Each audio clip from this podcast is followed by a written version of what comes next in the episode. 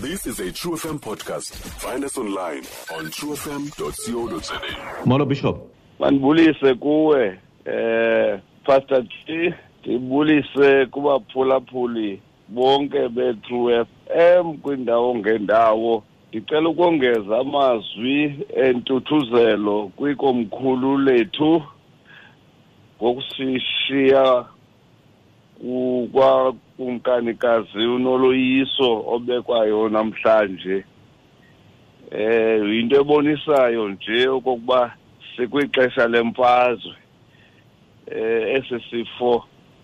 asikhethe mzi kabani sithi ke kumaxhosa nesizwe siphela xinani akuhlanga lungehliyo eh, abaphulaphuli ke bayayazi okokuba asiyontshumayelo sisikolo ndicela ke nityhile kwi-exodus 17 from verse 8 uthe ke umphulaphula osemtsha pastor g kandisithi eh uyayiphatha incwadi wathi hayi hayi gugile wena mna ndikumamela ndibe ndikuteyipa eh i-exercise book wow. wow iyakuncedisa kwi-references endishiyayo exodus 17 from verse 8 sikwinyanga katata upresident mandela sifunda ke kupresident moses ii-moral values owaye awayekhokela ngazo ngokwezibhalo eh besishiyene ke last week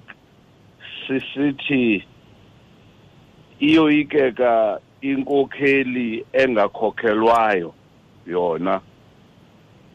uyoyikeka utata oyintloko okanye ofuna ukuba intloko yekhaya kanti akanantloko azimanye nayo ngoku ke apha sifuna ukufunda i-value of team work ukubaluleka imorality yokokuba uzazi okokuba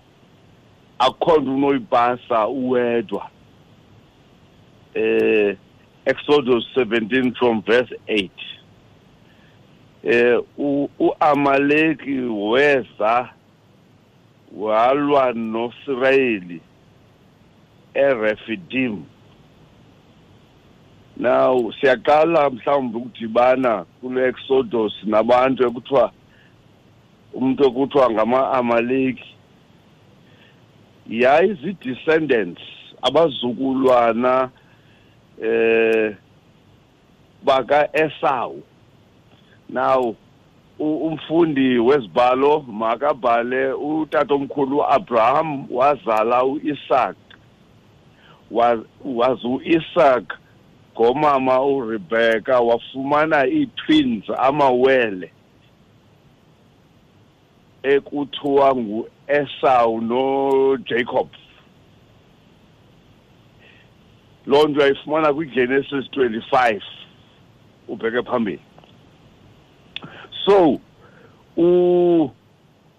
uEsawu lo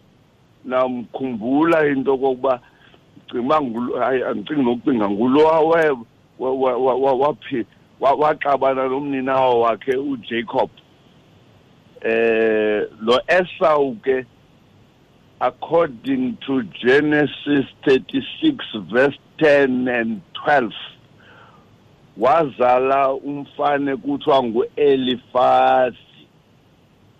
Elifaz weEsawu uEsawu ngokaya ngokaIsaka so uIsaka uzale uEsawu Esawu wazela uElifaz eh 36 Genesis 36 10 and 12 ndizama uchaza uba le ndlavini iletha abantu ivela phina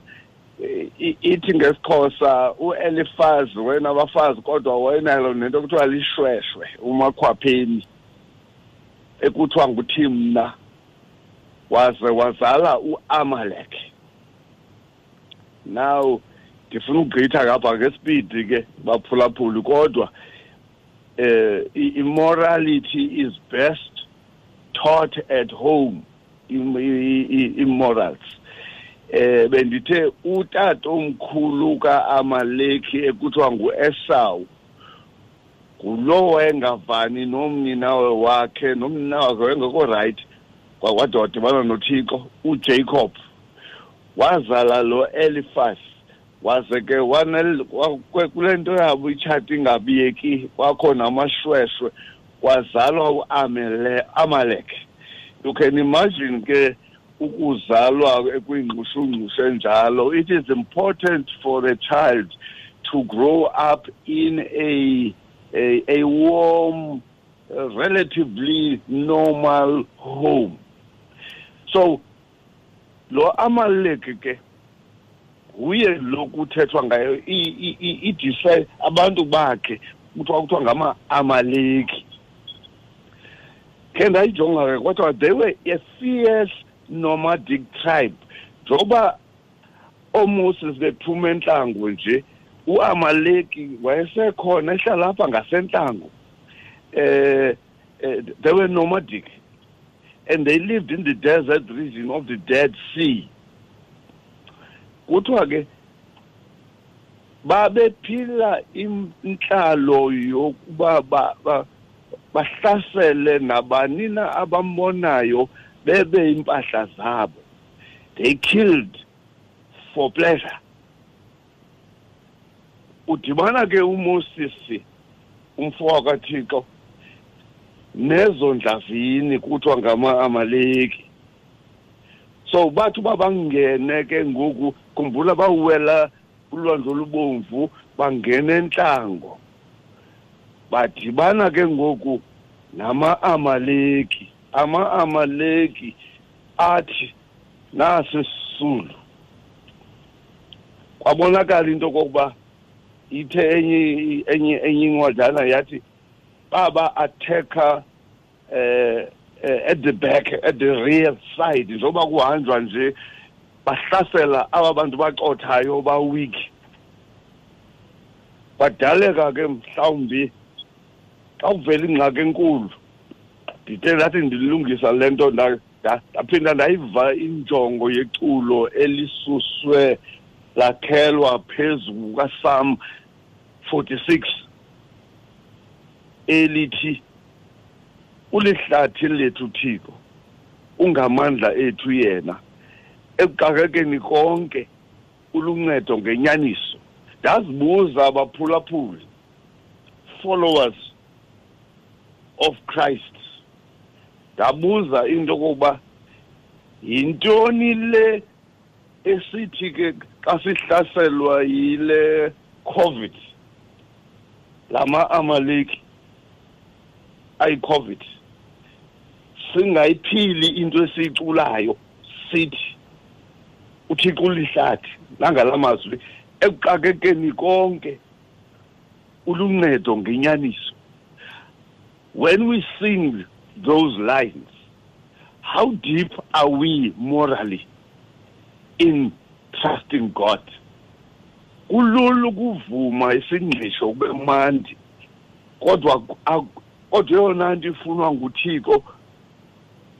yeyokoba le nto uyiculayo uphile ngayo morality igama elithi integrity le nto uyithethayo ihambelane nendlela ophila ngayo ndanomfanekiso ngenye imini ndandinawo ndisenawo ngokokuba xa inokuklinwa le oxford kuphuma ootata bamakhaya amadoda esithi ulihlathi lethu uthixo actually in the whole republic amadoda asafuna ukungeniswa nangeli xesha lecorona khe kuthiwe makaphume ayofuna intsikelelo kathixo ayohlambuluka nakule nto yokubulala oomama nabantwana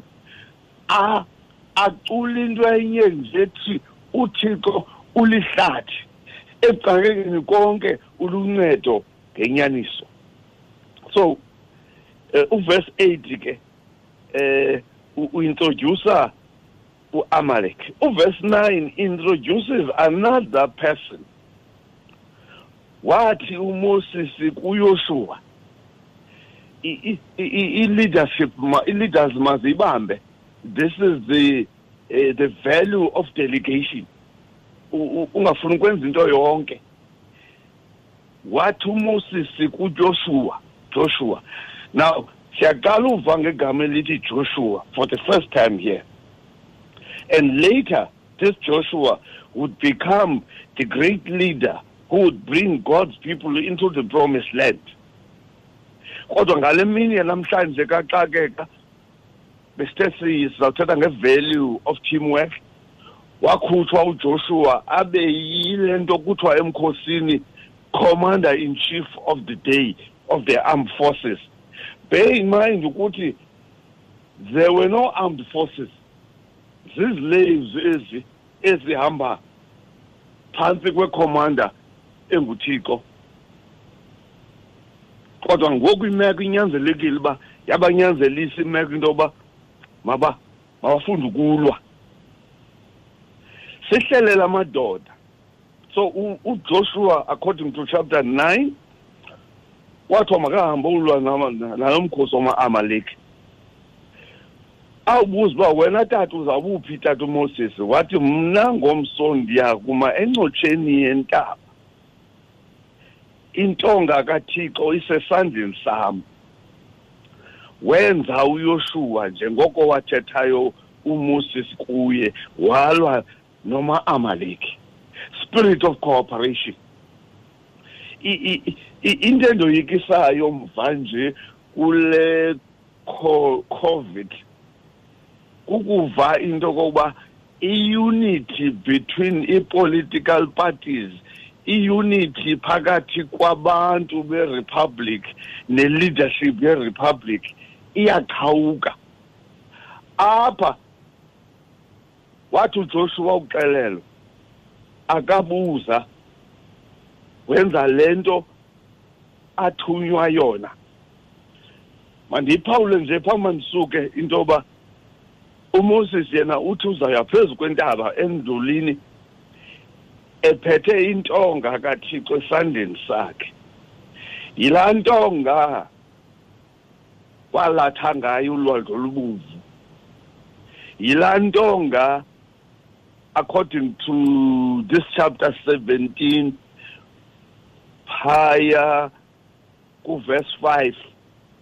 kuthe kwawuphela amanzi entlango wakhonjisiliwa walibetha ngayo ngoku same road xa ezawunyuka aye phezu kwentaba wayiphatha sasike savana ke ndathi kwenye ibible study ndathi izembe owawukhe wagawula ngalo ngaphambili laze lakusebenzela sulilahla hleze uhlangane neminye imithi ngaphambili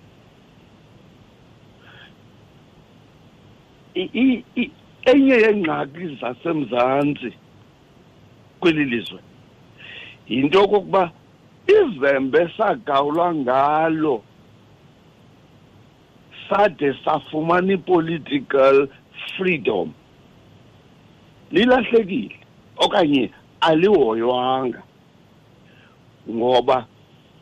mhlawumbi sathi sikasivuya emveni kokuba sibeke utata umandela salijula kude ngoku umoses uncedwa yilaa ntonga yayimncedile ngezolo nangezolo elinye umtyholi akufunekanga ugadazelise ibe ngathi zangulwe ngaye naye ngaphambili le challenge udibana udibene nayo inga ingabe zitshintsha ubuso kodwa ayohlukanga kuleya ka-19 ka-2017 neka-2010 wenyuka ke umosisi wayohlala phezulu akayohlala kodwa waya phezu kwentaba eh uthi uvesi uthi uthi uvesi uvesi 10 akahambanga yedwa umoses wenyuka yena noaron that is his that was his big brother bhuti uaron kuintrodyuse omnye umntu apha ngesixhosa kuthiwa nohure h u r ngesingesi he akachazwanga ebhayibhileni kodwa kwincwadi yakudala yomntu owaye-church historian ekuthiwa ngujosephus uindicata ukuba lo hure wayengumyeni kamiriam so eh, eh leadership kaMoses yayinotyholo kuthiwa ine-nepotism wenyuka nobhuti wakhe wanyuka nosibari now wathi akufika phaa phezu kwenduli ujoshua usezantsi uyalwa kukho ke ngoku an important key verse verse 11 kwathi xa aziphakamisileyo umoses izandla kweyisa usirayeli kwathi xa azihlisileyo izandla kweyisa ama-amaleki beautiful ndiyifuna ngesilungu um um khe ndikhangele incwadana eleven eleven uh, whenever nale gama ndilifunayo ngalo lonke ixesha whenever moses held up his hand israel prevailed and whenever he lowered his hand amalek prevailed yintoni le ithethwa apha now lifting hands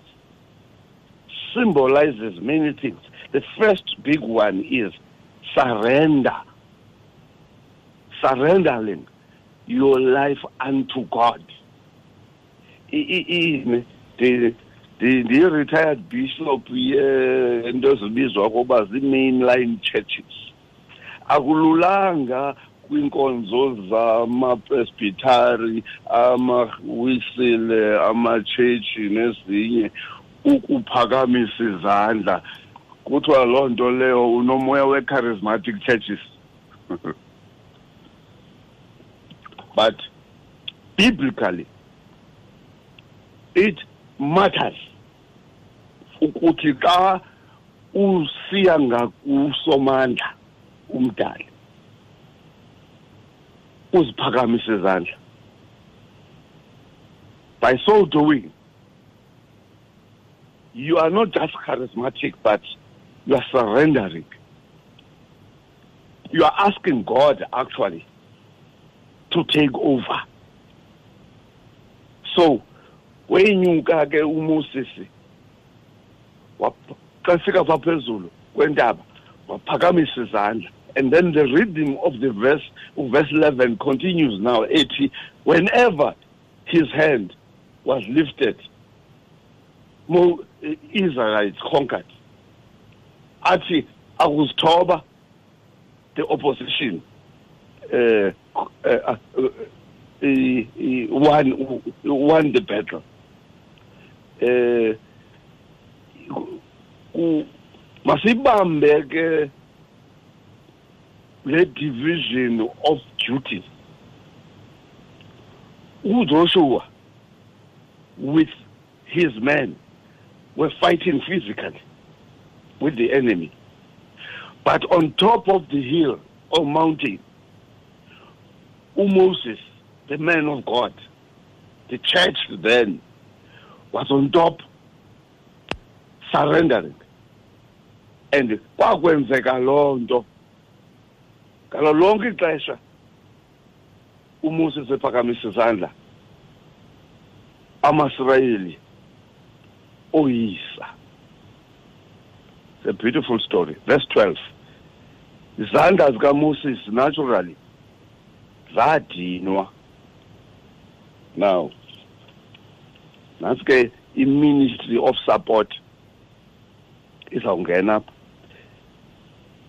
batha batha uh, uhure lo no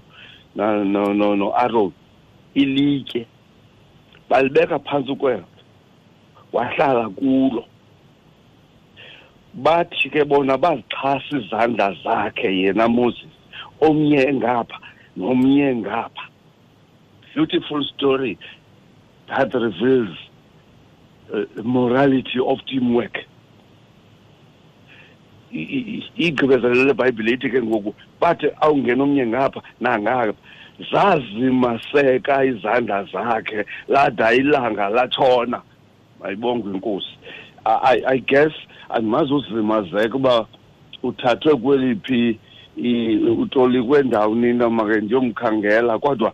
i assume ukuthi the hands were steady uh, 17 12 Moses' hands grew weary, so they took a stone and they set one on the other side. So his hands were steady. Steady. He was tired. But in more wavela in ministry of support Eh, eh, eh, abefundisi must know ukuthi we cannot all be bishops we cannot all be apostles we cannot all be whatever you call but there is a ministry in being in supporting a leader ungene ngapha bangena ngapha to achieve one goal zazimaseka izandla zikaMoses ithi ke ngoku le vesi lada ilanga latshona what happened then this thing that happened on the mountain affected the lower ground verse 13 uyoshua wamchitha uamaleki nabantu bakowabo kohlangothi lekrele so the combination between the moral leaders, the spiritual leaders, and the the the, the commander in chief, uh, i guess uba utata uramaphosa ubizwa ngolo hlobo kwagovernment ngukhomanda in chief yiyo le nto iba nguye othi amajoni mawaphume uncedisa amapolisa but iicawe zisike zatsho inkokheli neecawe ezisithi sisike samane sesithi uthi abuye nini ukuze ereyidweni ungazi uba uzawubuya azokwenzani kuthi ngoba bekumele into yokoba asehlanga endulini kathixo because there is a link between spiritual leadership and political leadership lawungishiya xesha mandikhawuleze um ngoba ikhona enye into endifuna ukuya kuyo apha wachithwa ke ngoku amalek so israel won the day verse 14 wathi uyehova umoses ileader eneleader wathi uyehova kumoses kubhale oku kube sisikhumbuzo encwadini and ngalenye igama ukuthethe ezindlebeni zikayoshuba so ngoku moses had to take care that joshua the new leader understood what was happening so that he can pass it on to the next line of leadership. Uh, and so, verse 15, kuthiwa ngoku uMoses built an altar. wathi igama la lalo altar masithi a, a, he erected a stone kwabhalwa kule altar apho igama elitsha belekade bengenalo jehova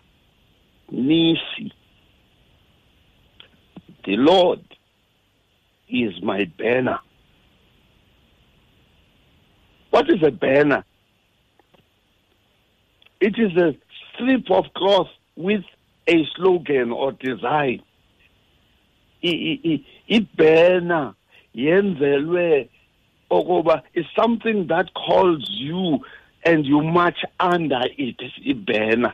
so kwabhalwa emveni kwalo mfazwe moses wabhala encwadini wathetha nojoshuwa no kodwa umoses kwathatywa athi litye lamiswa kwabhalwa jehova nisi eh andiyazi okokuba xa ndizawuvala ke ngoku baphulaphuli andiyazi into okokuba ii-victories impumelelo esizifumanayo ezindlini zethu ngenxa kathixo nesizifumanayo esizweni sethu ngenxa kathixo sizibhala phi Because if we do not record and we do not write and we do not build altars as a nation, abantwana bethu sebeqalile ngoku baza kuthi akho nto sayenzayo sesafa iphi i-altar ngaphandle kwemonument yepolitiki apho sibhala khona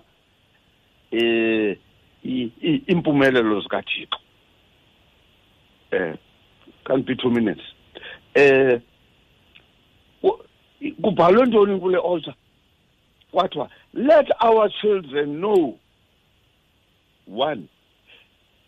that god fights for his people uthixo uyabalwela abantu bakhe Number two, let our children know that he or she who touches God's people touches him or touches God. Lowo uchukumisa abantu bakaThixo uchukumisa yena. Le mfazwe sikuyo ukuba singaba kaThixo ayiyo yethu yekathixo ukuba usathana ulwa nabantu bakathixo ngecovid makaxelelwe into kokuba awulwi nathi ulwa nothixo wethu jehova nisi thixo makasikelele la mazwi awandise ezintliziyweni zethu bhala mama ii-victories ozifumanayo endlini yakho but also erect altars ubhale ushiye ilifa labantwana bakho ba-andastende into yokokuba sinothixo osilwelayo uzuko malube kuye uyise nonyana nomoya oyingcwele nguwe ngaphakade amen amen oh Nkosi kakhulu Bishop sibulele kakhulu kwakhona ngexesha lakho nakule Sunday eh ngalamazwi makhulu kangaka uhle nawo kakuhle verse by verse akumntu not akavanga stream true fm online on truefm.co.za sikho yonke indawo ngalo lonke ixesha like no one else